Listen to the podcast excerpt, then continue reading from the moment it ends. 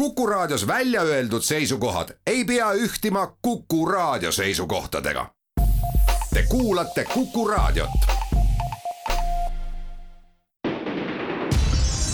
nädala raamat. Mikk Targo, sa haara kinni mu käest. kirjastuselt Varrak. ilusat uut nädalat, head kuulajad Kuku raadio praegu kuuldaval raamaturiiulil sel kevadkuu esimesel päris täisnädalal on avatud trükivärske raamat, mida teadsime oodata juba nendest aegadest, kui üldiselt valitsesid Euroopas veel oluliselt rahulikumad ajad. jaanuari lõpus toimunud Eesti tänavuste muusikaauhindade jagamisel pälvis elutöö auhinna või õigemini preemia panuse eest Eesti muusikasse muusik, looja, produtsent, mänedžer või vaata et kõiki levimuusikat ümbritsevaid ameteid pidanud Mikk Targo. oma emotsionaalses tänukõnes ei jätnud Targo viitamata, et raamatut tema kirevast ja produktiivsest elust ja tegemistest on oodata ja eelmise nädala kolmapäeval, teisel märtsil see trükisoojana lettidele jõudiski. kirjastuse Varrak väljaantuna raamatu teksti on kirja pannud Mikk Targo ise ehkki raamatust leiame ka viite, et tuntud meelelahutusajakirjanik Verni Leivak on aidanud koostamisel, Eha Kõrge toimetamisel ja raamatu kujunduse on teinud Päivi Palts. raamatu pealkiri Sahara kinni mu käest on mõistagi võetud Targo ühest paljudest kuulsatest lauludest, mis oli Tõnis Mägi ja Music Safe'i üks hittidest, aga on raamatu kaanele kantud ka mõttest, kus autor kutsub kaasa rändama ja osa saama Mikust kirjutatud loost kutsun sind endaga kaasa, haara vaid kinni mu käest, kirjutab autor sissejuhatuses. ega midagi, võtame pakutu lahkelt vastu ja proovime läbi arginädala tutvuda raamatuga nõnda, et päris kõike ära ei räägi, aga et huvi ka siiski piisavalt äratuks muide, seda raamatut, mille füüsilised parameetrid on kakssada üheksakümmend kuus lehekülge, millest kolmteist on lisasid ja kaksteist veel nii-öelda boonustracki diskograafia ja kaasmeenutuste näol, loebki nii rahulikus tempos õhtuti umbes arginädala jagu. Targo ise märgib, et kirjutas või õigemini tähendas oma mälestusi üles koos pausidega kokku seitse aastat. ja ajendas teda mälestusi üles tähendama eeskätt, tsiteerin nüüd otse, murettekitav fakt, et pärast minu heade sõprade ja kolleegide Gunnar Krapsi ja Jaak Joala surma hakkasid ilmuma nende elu kirjeldavad raamatud, mis kubisesid ebatäpsustest ja lausa vigadest ning andsid peategelasest mõnikord täiesti vale kuvandi. sestap otsustasin härjal sarvist haarata ja oma mälestused kirja panna. ja mälestustel tuginev kõige klassikalisem eluloo raamat, meie nädalaraamat ongi ah jaa, nüüd ei saagi ühest taolisest mälestusest üle ega ümber, kus autor selgelt tajutava irooniaga kirjutab. sain hiljuti ühelt restorani turundajalt kirja ta palus minult Heli Läätse kontakti, sest soovis teda esinema kutsuda. tundsin muidugi suurt rõõmu, aga üritasin selgitada, et Heli Lääts, noh, juba viimased kakskümmend aastat ei esine. ja pealegi on ta siit ilmast lahkunud. ja resümeeribki siis autor, et tal on tõesti hirm, et meie veel elavate suurkujude lähedusse häid reportereid ei satu või siis pääsevad neid küsitlema lapsajakirjanikud, kes ei tea nende inimeste väärtustest ja olemusest ööd ega mütsi. kõik see kuld ju kaob, kõlab kui hüüatades raamatus. ja autor lubab, et ta juhatab oma lugejad mälestustes nii, nagu neid ja ennast nende seas mäletab. tollele turundusjuhile teadmiseks ja teistele äratundmiseks Neid teisi ehk kaasteelisi on tal mõistagi olnud palju ja nad kõik on kenasti ka raamatu lõpuviidetena veel korra kokku kogutud Mikk Targo raamat algab ühe väga vahva meenutusega juhusest, kui tal õnnestus nõukogude ajal ootamatult kokku saada väliseestlasest mehega, Kuno Laareniga, kes tema ema esimese abikaasa Erich Kõlariga veel enne sõda iseseisvas Eestis ühises ansamblis mängis ja kuidas tal õnnestus ka need kaks omaaegset bändikaaslast omavahel kokku viia. Ilus meenutus, mis viib kohe ka Mikk Targo enda perekonna tutvustamiseni see on kõige klassikalisem kärgpere, mida tänapäeval küll palju esineb ja millest veel enam kõneletakse, kui seda esineb, aga mis nõukogude aastatel ilmselt kindlasti nii levinud ei olnud. ja päris kindlasti ei leia me iga kärgpere hulgas ka veel täna sellist, kus kõik sirgunud lapsed enam-vähem ühel erialal silmapaistvateks tegelasteks on saanud. proovime nüüd orienteeruda. Mikk Targo ema ehk Memm, nagu ta teda kutsub, on sünnijärgse nimega Leelo Päts tuntud helilooja Riho Pätsi ja Vanemuise ooperi solisti Made Pätsi tütar. pianisti ja muusikaõpetajana tuntuks saanud Leelo Päts abiellus dirigent Erich Kõlariga ja sellest abielust sündisid Ele, Kaja ja Paap Kõlar, kes kõik olid või on tuntud muusikud. teisest abielust Gunnar Targoga sündis Mikk, kellelt isa poolt on veel omakorda poolvend Erki, kes muide on tänini Rammis laulja selline vahvalt kirju perekond, kelle loo on Mikk Targoga lahti kirjutanud ühes lühikeste saatustega, mis kätkevad osade puhul ka tollele ajale paraku üsna tüüpilist kurba nähtust nagu küüditamine. Siberisse saadeti nii Riho Päts kui ka Erich Kõlar, kes pääsesid siiski kodumaale tagasi ja selles mõttes veel õnnelikult, et said erialast tööd jätkata muide, need faktid ilmselt mängisid rolli ka selles, et Mikk Targo ise oli aastaid Nõukogude Liidus erinevalt oma paljudest bändikaaslastest nie võiasnoi ehk NSV Liidust ta välja ei saanud üldiselt kenad ja üsna klassikalised lapsepõlvemälestused viivad lugeja ka Mikk Targole kindlasti väga olulisse paika Kloogaranda, kus nende perel õnnestus kõiki mahutav suvila ja mitte ainult kõiki, teisi ka, nendel aegadel püsti saada, kui too Tallinna-lähedane paik veel nii populaarne ei olnud, selleks sai ja siis omakorda uuesti hääbus oluliste märksõnadena toob Mikk Targo kindlasti välja Kloogarannas tegutsenud populaarse restorani Kajakas, kus õhtuti elu kees. restoranis esinenud bändides mängisid praktiliselt kõik Eesti tuntumad pillimehed, kirjutab ta. nii mõndagi koosseisu olid kaasatud ka Ele, Kaja ja Paap, meenutab autor. Ja lisab, et ehkki restoran Kajakas ei olnud seitsmeaastase Miku jaoks, tiirutas ta sellest hoolimata igal õhtul jalgrattaga restorani parklas, kuulas muusikat ja jälgis inimesi ja tegi seda hoolega. Muide, seda märkamist ja enesesse ahmimist või immutamist toob autor mitu korda välja läbi lapsepõlve erinevatest episoodidest ja nimetab seda põhjusega, baasiks või põhjaks, mille pealt oli hilisemas elus väga hea muusikaliselt toimetama hakata no tsiteerin, üks lugu on küll enne Klooga rannat. esimestel eluaastatel oli mu magamisase meie suure klaveri all, sest pere oli suur ja ruumi lihtsalt nappis. ema Leelo harjutas hommikust õhtuni, aga mina elasin klaveri all oma elu ning kuulasin ja kuulsin muusikat. tõenäoliselt on mul peas peaaegu kõik klassikalise muusika tähtsamad klaverikontserdid ära kuulatud see oli imeline võimalus tahtmatult saada oma nähtamatusse seljakotti selline võimas muusikaline materjal, mida hiljem elus väga vaja läks. selle hilisema eluni läks veidi veel raamatu järgi aega ja meie raamatuski saame enne muusika juurde jõudmist lugeda Kloogarannas kogetud kuulsast sajandi tormist tuhande üheksasaja kuuekümne seitsmendal aastal, kõlarite Targode kärgperede suvelaagritest Peipsi põhjakaldal. Ja see muide on tõesti vahva lugemine, kui see applaager elas ja toimetas kommuunina ja kõigest muustki. Kooliteed alustas kesklinnas toonases Lomonossovi ehk tänases Gonsiori tänavas elanud Mikk Tallinna seitsmendas keskkoolis ehk siis tänases Inglise kolledžis, tegi aktiivselt sporti ja jõudis sulgpallis ka NSV Liidu noortekoondise tasemel mängijaks. muusikaline pööre võis siis ehk saabuda aastal tuhat üheksasada seitsekümmend viis, kui, nagu Mikk ise märgib, tegi vend Paap talle elu olulisima kingituse, kinkis talle makilindi otsast otsani muusikast pungil. Erik Clapton Bob Marley, Earth, Wind and Fire. kuulasin seda muusikat, kirjutab ta, ja mu peas süttis hele tuluke. head kuulajad, tänast jagu meie nädalaraamatu tutvustuses tahaks siduda alustuseks akuutse olukorraga meist mitte kaugel, nagu teame raamatu autor ja peategelane Mikk Targo meenutab üht käiku aastast tuhat üheksasada kaheksakümmend kuus. tsiteerin. keegi ei teadnud täpselt, mis oli juhtunud Tšornobõlis levinud juttude põhjal oli sealne olukord rahulik. aga tegelikult? jah, kontserte tuli anda ka seal. see ei olnud võimalus, see oli käsk. tuumaelektrijaama katastroofist oli möödas kaks nädalat ja käsu Tšernobõlisse minna sai ka ansambel Mahavokk. Meid kõiki valdas hirm. tean tuttavaid, kes suures hirmus lõhkusid endal käe või jalaluid, et mitte minna. paar inimest sooritas koguni enesetapu meile anti valik, kas võtta labidas kätte ja määramata aeg sealses laagris tööd teha või olla nädal kontserdituuril.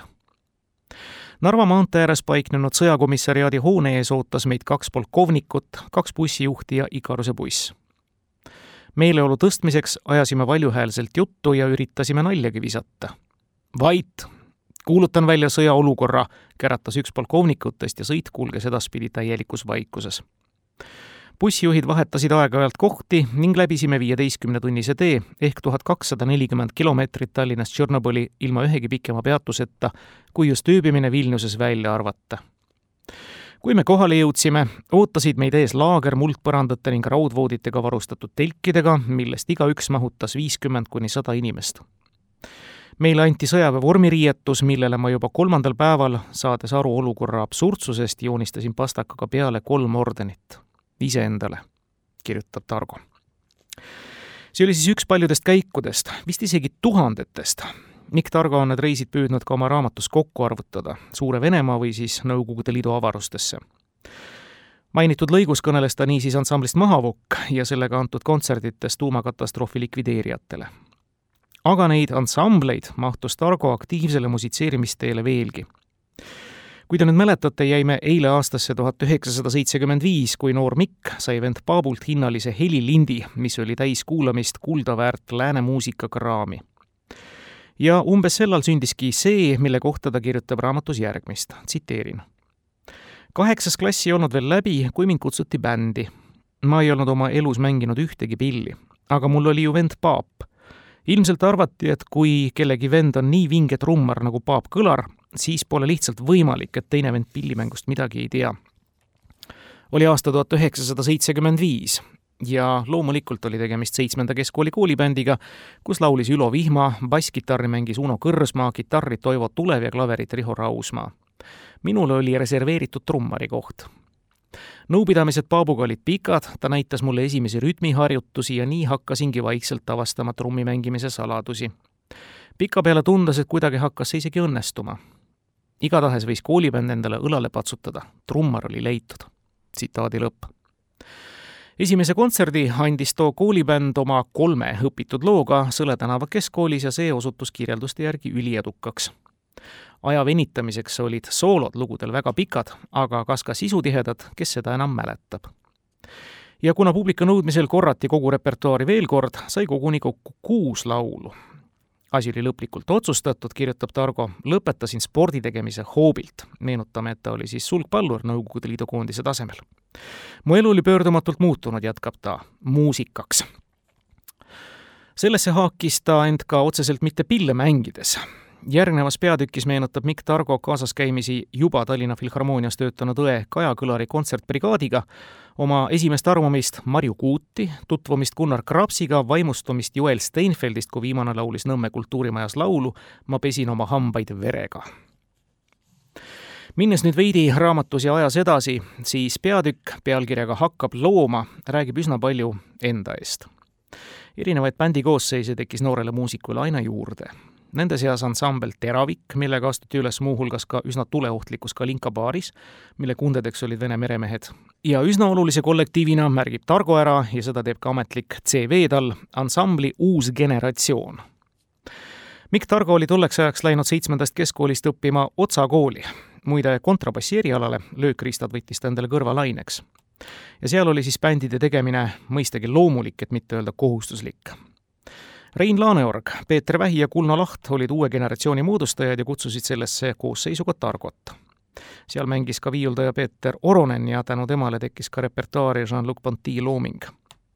viimane oli siis maailmas esimesi viiuldajaid, kes hakkas elektriviiulul mängima džässrokki. ja selles uues generatsioonis sai raamatu autor käe valgeks ka heliloojana, kirjutades mitu instrumentaalpala, näiteks Tuule tee, Leila ja Kolmas ja edasi kirjutab ta, et aasta võis olla tuhat üheksasada seitsekümmend seitse või seitsekümmend kaheksa, kui saime erakordse võimaluse minna Eesti Raadio stuudiosse ja salvestada need instrumentaalpalad koos helirežissöör Mati Braueriga.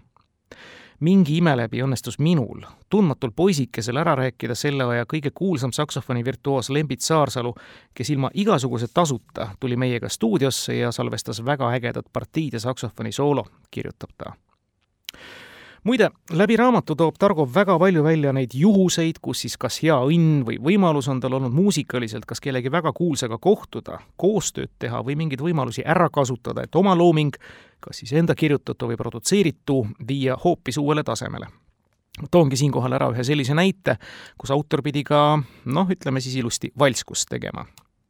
Jutt käib ilmselt siis tuhande üheksasaja kaheksakümnendate aastate lõpust, kui Targo toimetas juba tunnustatud tegija ja autorina tsiteerin paar aastat hiljem, salvestades Linnahallis Marju Läniku plaati, selgus, et meil puudub üks oluline sound, mille nimeks on orchestra hit. vajutades üht klahvi süntesaatoril, kõlab see, nagu mängiks seda terve orkester. tegelikult oli küsimus laulu Ikaros, neljas või viies akordis, aga see oli siiski hädavajalik. tulin mõttele, et saaksin need kohad hiljem lõigata sinna, kuhu tarvis, kui päris orkester need sisse mängiks. protsess läks käima Peeter Vähi aitas mul kirjutada omamoodi väikese partituuri, mis selliste asjade mängimiseks orkestrile on vajalik. eksisteeris veel palgaline kollektiiv nimega Eesti Raadio estraadiorkester Peeter Sauli juhutusel ja ma suundasin raadiostuudiosse orkestri hommikusele proovile. alustasin kohe väitega, et tegemist on ühe Moskvast tulnud väga tähtsa tellimustööga. selline pöördumine mõjus Peeter Saulile vägagi aukartust äratavana muu töö pandi seisma, orkestrile asetati minu noodid ette ja mõned minutid hiljem oli mul vajalik lindistus taskus. keerulise protsessi tulemusena lõikasime need akordid Linnahalli stuudios koos Jaanus Lingiga õigetele kohtadele. tsitaadi lõpp. ja selliseid olme ja imekirjeldusi on niisiis veel mitu, no ütleme isegi päris palju aga nüüd autori muusikaliste kollektiividega jätkates, siis loomulikult Vitamiin, esimene tõesti väga kuulus ansambel ja sellega seotud juhtumised, mis võtavad Mikk Targo raamatust palju lehekülgi enda alla, ja mitte ainult tema, vaid ka teistegi vitamiinlaste meenutustega. ansambel Mobile, mille juures meenutab Targo ka märkimisväärseid esinemisi Vene sõjaväelastele kinnistes Ämari lennu ja Paldiski allveelaeva baasis muidugi Music Safe, ansambel, mis sai spetsiaalselt Venemaal ennast juba kuulsaks laulva Tõnis Mägi ümbritsevaks bändiks ja muud kollektiivid, mis aga järgnesid Targo aktiivsel muusiku teel. see kõik moodustab meie nädalaraamatust kõige põhjalikum osa, ühes kohustuslike ja ikka jälle siin-seal korduvate Venemaa meenutustega, mis oma olemuselt muide on sarnased, aga sisult väga erinevad olgu siis täna nii-öelda lõputiiseriks antud märksõnad Mikk Targost ja Montana kilekottidest, mis Nõukogude võimu silmis ta sõna otseses mõttes perverdiks tituleerisid. head kuulajad, jätkates meie nädalaraamatuga Mikk Targost, tõdegem siiski, et paljude kuulajate ja just kuulajate jaoks on raamatukangelane tuntuks saanud ja ei ütle veel, et ajalukku läinud, sest ta on vitaalsena meie seas täiesti toimetamas laulukirjutajana ja tuleb tunnistada, et ülemäära palju ta nüüd oma raamatus konkreetsetele lauludele või lugude sünnile ruumi ei pühenda. ta küll kirjutab, aga kindlasti mitte nii palju, kui ehk Eesti muusikagurmaan sooviks, mõne erandiga. raamatu pealkirja osaks olev lugu Sahara kinni mu käest, mille surematuks laulnud Tõnis Mägi ansambliga Music Safe seda lugu nüüd, mida ma rääkima hakkan, Targo raamatus konkreetselt ei ole, aga ei saa ka rääkimata jätta, et Tõnis Mägi ise on jutustanud vahva loo sellest, kuidas ühel kontsertreisil soovisid Usbeki muusikud oma Tallinna külalisi tänada imelise loo eest maailma suurimast kõrbest ja üritasid Sahara lugu omal moel neile ette mängida, nii et kogu muusik-seif pidi enda ribadeks naerma aga tolle konkreetse loo sünnilugu ei ole kaugeltki nii naljakas. see oli väga valus. tsiteerin naasnud oma esimeselt pikemalt reisilt Music Safe'iga, ootas mind kodu sees tühjus. minu toonane naine Leila, kellega olime paar aastat abielus olnud, oli otsustanud lahkuda. mitte ainult, et naist enam polnud, vaid kogu korter oli tühjaks tehtud. Leila oli lahkunud koos asjadega. ainult voodi oli nurka jäetud. tundsin meeletut valu isegi enesetapp oli üks minu mõtetest, aga otsustasin mitte proovida, sest diletantidel ei pruugi kõik esimese korraga õnnestuda nii ei osanudki ma oma emotsioone paigutada kuhugi peale muusika. sündis laul Sahara kinni mu käest. nii sõnad, viis kui ka harmoonia sündisid koos ja väga ruttu. Läksime Maxi ja bändiga stuudiosse ja valmis see sai. teinekord sünnivadki head laulud just siis, kui sind on tabanud valusalt mõni emotsionaalne pauk. nagu ütles mulle üks hea sõber, vene suurpoeet Mihhail Tanitš, kannatusi on vaja selleks, et looming õitsema hakkaks tsitaadi lõpp.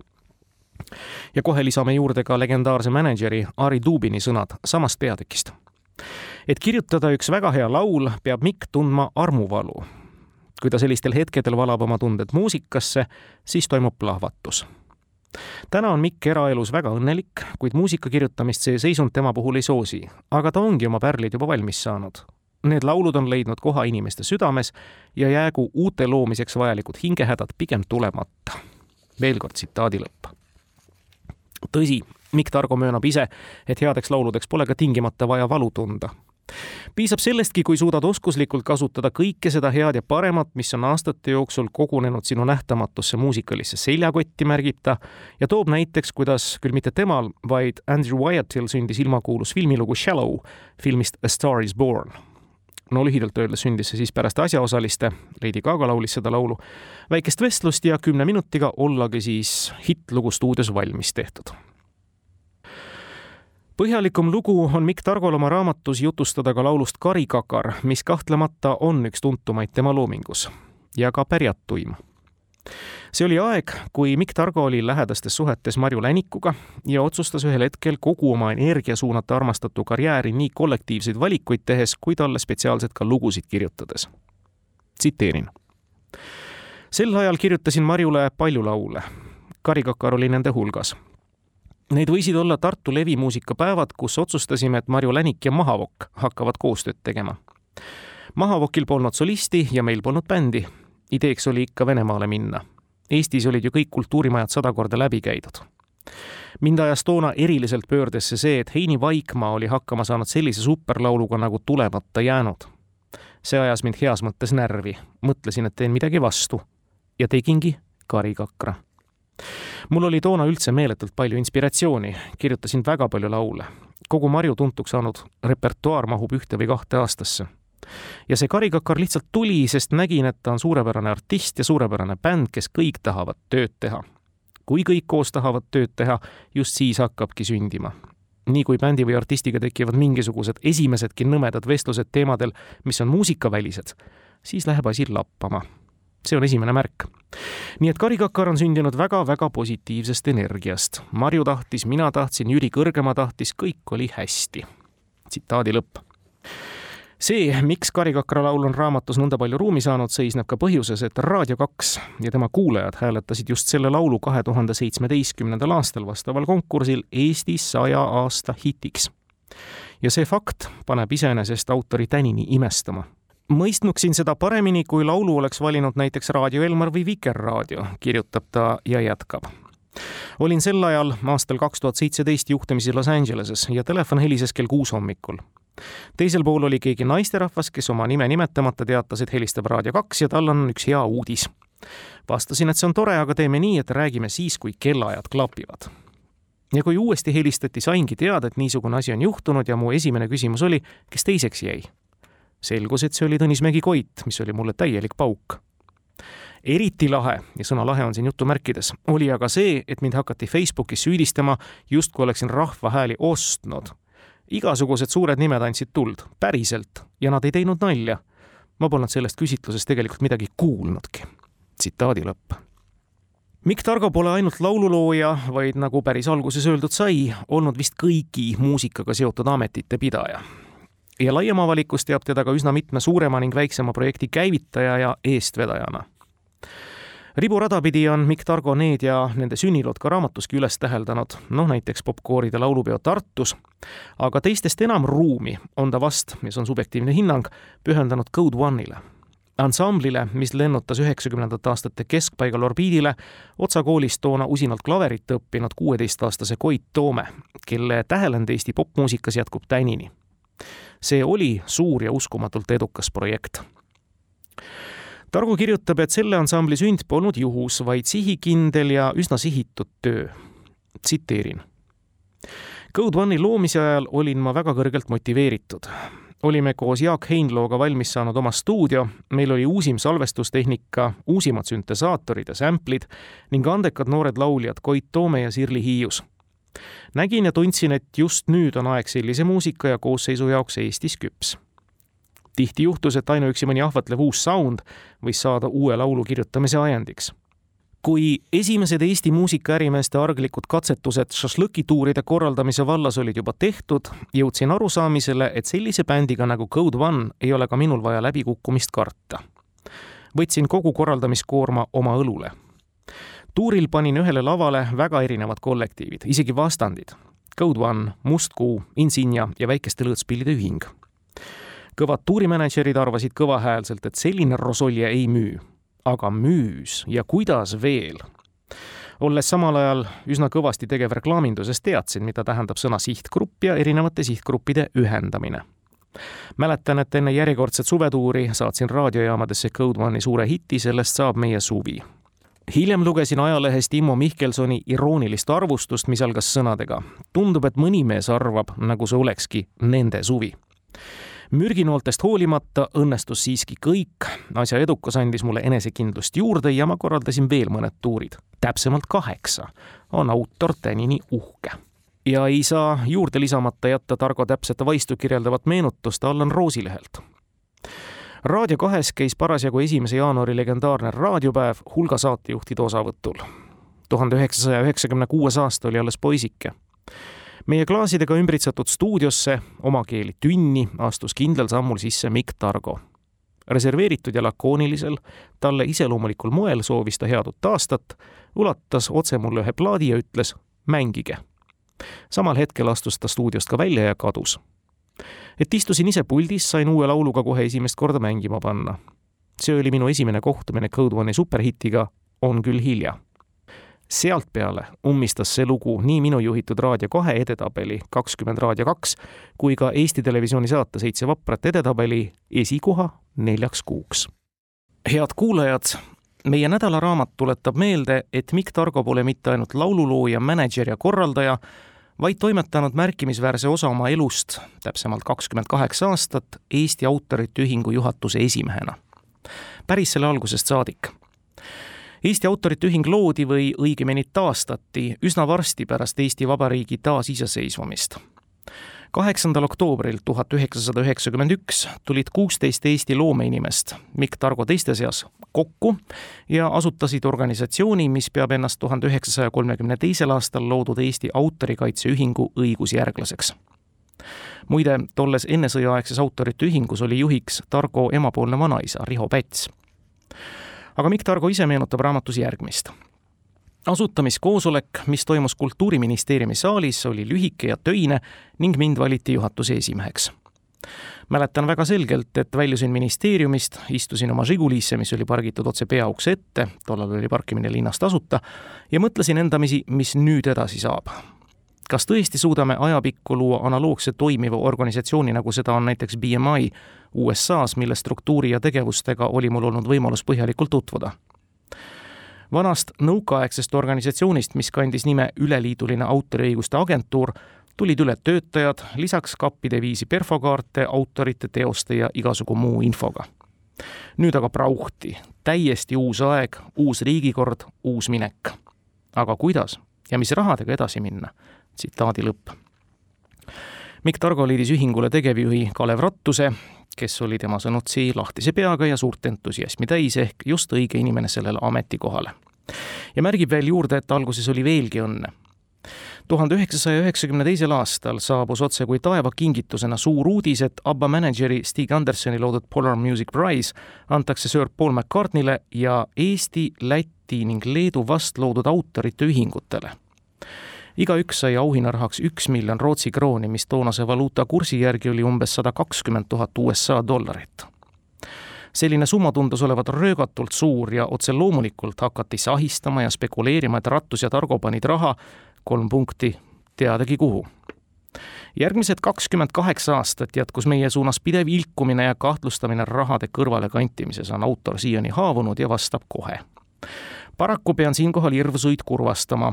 tänu väga täpsetele aruandlustele, revisjonikomisjonidele ja audiitoritele poleks meil Kaleviga olnud ka võimalust kõige parema tahtmise juures midagi nii-öelda kõrvale panna saadud miljoni Rootsi krooni eest osteti EAÜ-le vajalikud nüüdisaegsed arvutid ja kontorikaubad ning mis kõige tähtsam, ühingu töötajad said STIMis ülimalt vajalikke koolitusi ja tööalaseid teadmisi üsna pea liitus Eesti Autorite Ühing autorite ühinguid liitva katuseorganisatsiooniga CISAC, kuhu kuulub kakssada kakskümmend kaheksa ühingut saja kahekümne ühest riigist. seega hõlmab ühing kokku umbes nelja miljonit autorit. Mikk Targo arvutab raamatus niisiis kokku, et tal õnnestus olla EAÜ juhatuse esimehe kohal kakskümmend kaheksa aastat, mis oli pikk, huvitav ning kohati ka närve sööv aeg, millesse jäi süsteemi ülesehitamine, selle arendamine ja edukas töös hoidmine tuhande üheksasaja üheksakümne kolmandal aastal oli Eesti Autorite Ühingul juba kakssada liiget, täna aga umbes viis tuhat kuussada. on ta põhjusega uhke.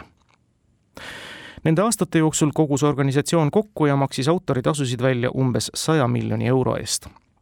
ja nagu algusaastatel, nii voolab ka täna peaaegu pool sellest rahast Eestist välja. miks? Aga sellepärast, et ühing korjab kokku ja jagab autoritasusid vastavalt sellele, missugust ja kelle muusikat meie raadiotes ja telejaamades mängitakse, selgitab Targo selle organisatsiooni eesotsas nõnda kaua seismine ja tegelikult pigem sealt lahkumine, paar aastat tagasi oli see, tundub, et jättis Mikk Targole väga sügava haava hinge. EAÜ-st rääkivas peatükis ta sellest ei kirjuta, küll aga nähtamatute inglite laulu puudutavas osas, see on siis laul, mis valmis Targolt tänuga koroonapandeemia ajal toimetanud arstidele ja õdedele, et ta oli isegi terve aasta depressioonis olnud totaalses depressioonis ravimite ja nõustamiste peal, sest kaotas oma pikaajalise, kakskümmend kaheksa aastat kestnud töö Eesti Autorite Ühingus. Kuidas see juhtus, sellest raamatus juttu ei ole, aga laseb aimata, et ega see Targo silme läbi ilmselt kõige rahumeelsem minek ei olnud. nii et jäägu ta sinnapaika üks paljudest projektidest, mille Mikk Targo just Autorite Ühingu katuse alt ellu kutsus, oli internetiraadio see polnud autori sõnul lihtsalt raadio käivitamine, vaid Eesti muusika päästeaktsioon. tsiteerin taas raamatut. oli aasta kaks tuhat üheksa, ei midagi erilist. Elukene veeres nagu ikka, kuid äkitselt hakkasin märkama, et minu ümber on toimumas mingit suuremat sorti muutus. midagi hakkas justkui ära kaduma.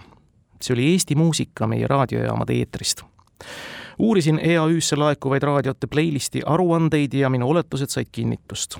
Eesti muusika kaob samas, olles Facebooki vahendusel ühenduses väga paljude Eesti muusikutega, nägin ja kuulsin, kui palju tegelikult tehakse väga head muusikat.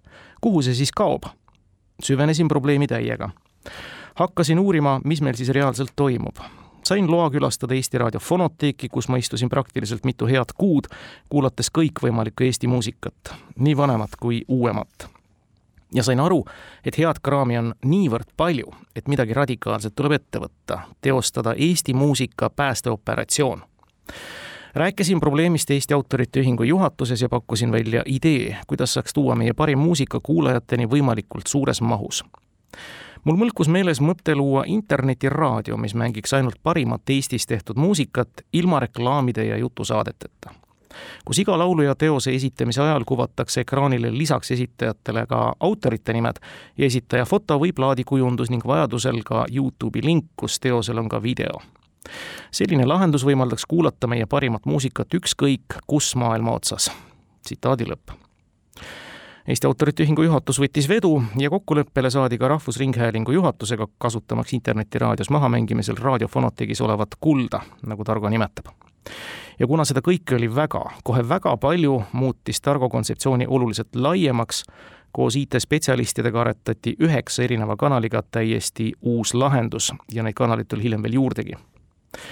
Too netiraadio alustas tööd mais kaks tuhat üksteist ja jõudis tegutseda kümme aastat. raamatu kirjapaneku aegu, see on eelmisel aastal, tõdeb Targo, et selle netiraadio saatus on lahtine, kuna EAÜ uus juhatus otsustas seda enam mitte finantseerida ja mis edasi juhtuma hakkab, ei ole enam minu otsustada, tõdeb ta.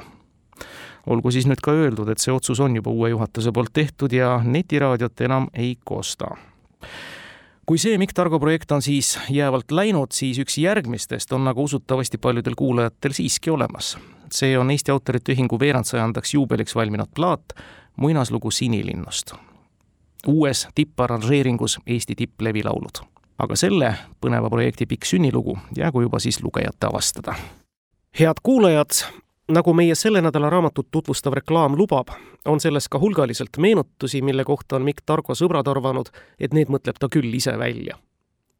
aga nii see pole ja raamat kutsub kuulama, kaasa naerma ja imestama Neid vesteid, lugusid ja lookesi on meie nädalaraamatus tõesti palju ja enamik neist seotud Targo kontsertreisidega Nõukogude Liidu avarustesse eeldaks, et need, kes on pidanud Targot lugude väljamõtlejaks, on vast nooremad inimesed.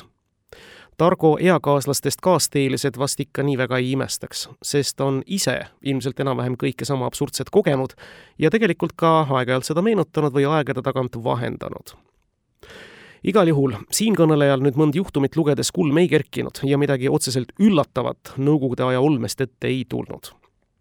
tõsi, üks seik siiski Targole ilmselt väga ehmatav ja ka väga õpetav lugu. Jutustame selle, sest siin möönab autor ausalt ka oma arrogantsust. tsiteerin. lend Tallinnast Donetskisse väljus hommikul kell viis. ees ootas pikk kontserdituur, kus osalesid kaks Eesti bändi, Radar ja Kontakt bändikaaslased tegid mulle kui ainsale autoomanikule ettepaneku, et võiksin kõigile öösel järele tulla. saatsin nad pikemalt mõtlemata kuradile. öösel Õismäele, Lasnamäelt, et toimetada need lennujaama, jääb ära. grupipilet oli minu käes. Kuidas keegi ennast kohale veab, pole minu asi. kes hiljaks jääb, see maha jääb ja punkt ärkasin oma Lasnamäe kodus kell neli nelikümmend viis ja mu otsaesine kattus kella vaadates külma higiga trepiastmeid nägemata jooksin õue ja maandusin autoistmel, andsin gaasi, kui kell näitas neli nelikümmend kaheksa. ületasin suvises Tallinnas kõiki kiirusepiiranguid ja ringteel, mis oli tühi, sõitsin teekonda lühemaks, mis sest, et vastassuunal. inimtühjas lennujaamas ei oodanud mind enam keegi peale miilitsate. Mu bändikaaslased olid pääsenud lennukisse ilma grupipiletita. kuidas see neil õnnestus, sain teada hiljem. nimelt ostis radari mänedžer Raivo Sersant meie bändile uued piletid nägin läbi akna, et lennuk veel seisab, kuid trapp oli juba eemaldatud. omavahel raadiosaatjate kaudu sidet pidanud miilitsate jutust kuulsin, et keegi ütles, ta saabus ja siis käratati mulle järsku, pane nüüd jooksuga. haarasin kohvri ja mind aidati lennuki peale. Joostes mööda lennuvälja nägin, kuidas trappi lennuki poole tagasi sõidutati ja juba ma lendasingi mööda seda üles. lennuki uks tõmmati minu selja taga kinni. olin pardal mind vaatas lennukitäis ebasõbralikult meelestatud inimesi kui kõrgust oli juba piisavalt, kostis teadaanne, et viimasena saabunud reisijal palutakse ilmuda kapteni juurde. tõusin püsti ja läksin. kokpitis sain käsu istuda klapptoolile, mis asus lendurite selja taga. tere, mina olen kapten Porro, teatas kapten. Kui tuleb välja, et ma valetasin teie pärast, teatades tehnilisest rikkest, mida ei olnud, siis ma kaotan oma töökoha. kas saate sellest aru? saate, jah? ärge enam kellelegi nii kunagi tehke, võite minna teadsin nüüd, kuidas kõlab jää inimese hääles. lonkisin oma kohale ja mul oli kohutavalt piinlik. mingil hetkel tundsin, et mul hakkab külm, selgus, et ühte jalga ma sokki tõmmata ei jõudnud. kuid mis siis, olin lennukis. Tegelikult tundsin ennast karistatuna ja närusena kogu tuuri vältel. olin petnud oma bändi liikmeid ja maha unustanud kõik, mis inimesel pikal reisil viibides vaja võib minna tegelikult oli see väljasõit keeruline, sest kui mina poleks lennul olnud, siis oleksid kontserdid ära jäänud. jõudnuksin sellesse Ukraina linna ümberistumistega umbes kolme päeva pärast. tsitaadi lõpp. Reisivintsutustest kõneleb muide ka just räägitule järgnev lugu, mida siinkohal nüüd ümber jutustama ei hakka, aga mille kulminatsiooniks oli Tumenis veidi vindisele vastuvõtjale vastu hambaid andmine. sain käe valgeks, kirjutab autor selle kohta üsna palju raamaturuumi on Tarko eraldanud ka oma kaasteelistele muusikas, näiteks oma laulude tekstiloojatele. Neid pole ülemäära palju, aga nad kõik on head loojad. Alustades ilmselt Eesti produktiivsemast laululoojast Heldur Karmost, kes on loonud ligemale kolm tuhat viissada teksti. Mikk Targol oli võimalus Heldur Karmoga kohtuda noore mehena ja ta meenutab, et nende esimesel kohtumisel võttis Karmo ta vastu nii lugupidavalt, nagu oleks uksest sisse astunud Gustav Kikerpuu või kes tahes teine austatud helilooja olin siis pisut üle kahekümne, seega oli käes kaheksakümnendate aastate algus. Ise sel ajal juba ratastoolis ei olnud see mees kaotanud grammigi oma heast huumorimeelest ega lihtsast oskusest olla kena inimene. Karmal oligi eriline anne muuta iga olukord ja kohtumine täiesti pingevabaks. see oli mulle nagu õpik eluks, meenutab ta. sama kõrge kullaprooviga hindab Mikk Targo ka Leelo Tungalt eelkõige iseloomustab teda oskus loovasse jäägitult süveneda, kirjutab ta ja jätkab teadsin kindlalt, et just Leelo on inimene, kes peaks kirjutama teksti laulule Ma olen ju naine. Vestlesin temaga pikalt loodava laulu sisust ja tagamaadest ning tean, et ka Marju Länik lisas sinna oma nägemuse. Leelo Tungal on proff ja oskab kirjutada teksti, mis hakkab elama nagu maal.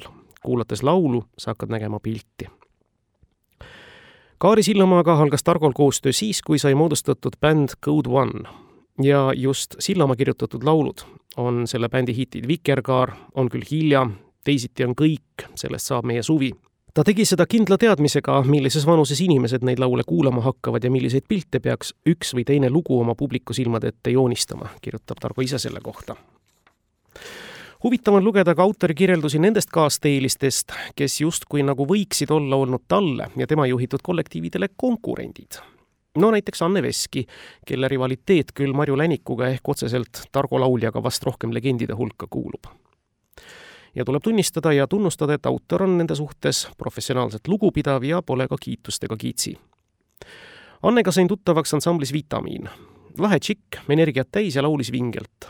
vitamiini perioodist salvestasime tema surematud hitid Roosiõia kuninganna, Viimne pilet ja mitmed teisedki lood Pole saladus, et Anne Veski karjäärile puhus tõelise hoo sisse tema abikaasa Benno Beltšikov, kirjutab Targo ja räägib ka juurde taas ühe hiti sünniloo selle taust on siis see, et ühel hetkel, ja see hetk oli aastal kaks tuhat üheksa, kui Mikk Targo hakkas saama viiskümmend, see oli sünnipäev, mida ta siis ootas enda sõnutsi ajast kuni kahekümne kuuene, otsustas ta oma kaasteelistele kirjutada kas laulu või siis mõne oma hiti uues seades uuele esitajale anda ja kõigel sellel lasta kõlada siis oma uhkel juubelikontserdil ja nii ka Anne Veskile, nüüd jätkan tsitaadiga. kui hakkasin mõtlema, et hakkan Annele laulu kirjutama ja temaga sellest rääkisin, kutsus ta mind endale koju külla. See oli tõeliselt hea mõte. mul ei olnud sel hetkel veel sündimata laulu kontseptsiooni olemas, seepärast tahtsin kuulda või leida stoorit. istusime ja rääkisime maailma asjadest lootsin vestlusest leida midagigi, ootasin lauset, et laulu pealkirjaks võiks olla, aga seda ei tulnud. nii lahkusin nende kodust tühjade kätega ei mingit vihjet, millest laul võiks rääkida. ent võttis natuke aega, kui mälu hakkas mulle ette viskama justkui fotosid Annest ja Bennost, nende omavahelised naljad, pilgud, millega nad teineteist vaatasid, ja mul oli korraga kõik selge. laulu pealkirjaks saab Ma tänan sind. võtsin ühendust Ove Peterselliga ja rääkisin talle oma nägemuse ausalt ära. Nende elu, koos peetud lahingud, võidud ja kaotused, Ove kirjutatud tekst illustreeris suurepäraselt Anne elu ja edulugu laul nimega Ma tänan sind oli sündinud ja leidis väärika koha Anne Veski järgmisel sooloplaadil. tsitaadi lõpp. Ja selliseid meenutusi just lauljaid pidi on siis veel. Vello Orumetsast, Tõnu Aarest, ansamblist Karavan ja paljudest teistestki. Head kuulajad, tõmbame nüüd otsi vaikselt meie nädalaraamatuga kokku tõdemusega, et väga palju jäi mõistagi sellest ligemale kolmesajast leheküljest rääkimata. Näiteks Mikk Targo väga põhjalik ja sisuline seos Ameerika Ühendriikidega ja sealkäigud, samuti mõtted poliitikast ja muustki. Aga neid mõtteid on tegelikult võimalus, kel huvi, ka meie nädalaraamatu esitlusel kuulda sel nädalal saatis kirjastus Varrak välja teate, et meie nädalaraamatut esitletakse kolmapäeval, kuueteistkümnendal märtsil kell seitseteist Solarise keskuse Apollo raamatupoes, kus autoriga vestleb muusik Marek Sadam nädala raamat. Mikk Targo, Sa haara kinni mu käest. kirjastuselt Varrak